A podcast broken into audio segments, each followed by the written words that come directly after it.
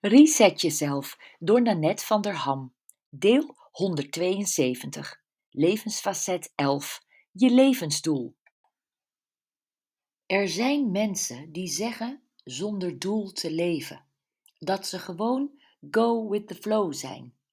Maar go with the flow, het je laten meevoeren op de stroom van het leven, sluit het hebben van een levensdoel niet uit. Sterker, het is prachtig als je kunt accepteren dat je leven zich vanzelf in de juiste richting en in het juiste tempo ontvouwt. Of, minder spiritueel gezegd, dat het is zoals het is. Je merkt dat je je leven op een geforceerde, onnatuurlijke manier aan het pushen bent als je veel tegenslagen en weerstand ondervindt. Of als dingen gewoon niet van de grond komen.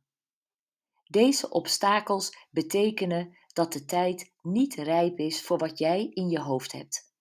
Het feit dat je niet door de natuurlijke stroom van je leven heen kunt breken, is eigenlijk voor je bestwil. Dat je ergens nog niet klaar voor bent, houdt overigens niet in dat je ermee moet stoppen. Een anekdote ter illustratie. Ik wilde heel jong als schrijfster worden. Ik maakte op de lagere school stripkranten en schreef me in voor de school voor journalistiek. Dat ging door een verhuizing naar het buitenland niet door. Een buurvrouw nodigde me uit om verhalen voor haar tijdschrift Genoeg te gaan schrijven. Ik deed het. En ik voedde mijn kinderen op, richtte mijn Pilatenstudio op, scheide en ging mijn buitenlandse retreats doen. En altijd wist ik, ik moet schrijven. Ik tartte regelmatig de flow van mijn leven.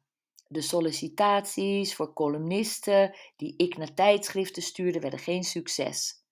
Met mijn afslankboeken werd ik geen Sonja Bakker of Dr. Frank, maar ik bleef schrijven. En nu schrijf ik nog. Inmiddels weet ik dat wat ik dacht dat mijn levensdoel was, schrijven, slechts een middel is. Mijn levensdoel is vrouwen helpen hun kracht, richting en lol in het leven te vinden. Misschien verandert dat wel ooit, maar nu krijgt mijn levensfacet levensdoel een 10.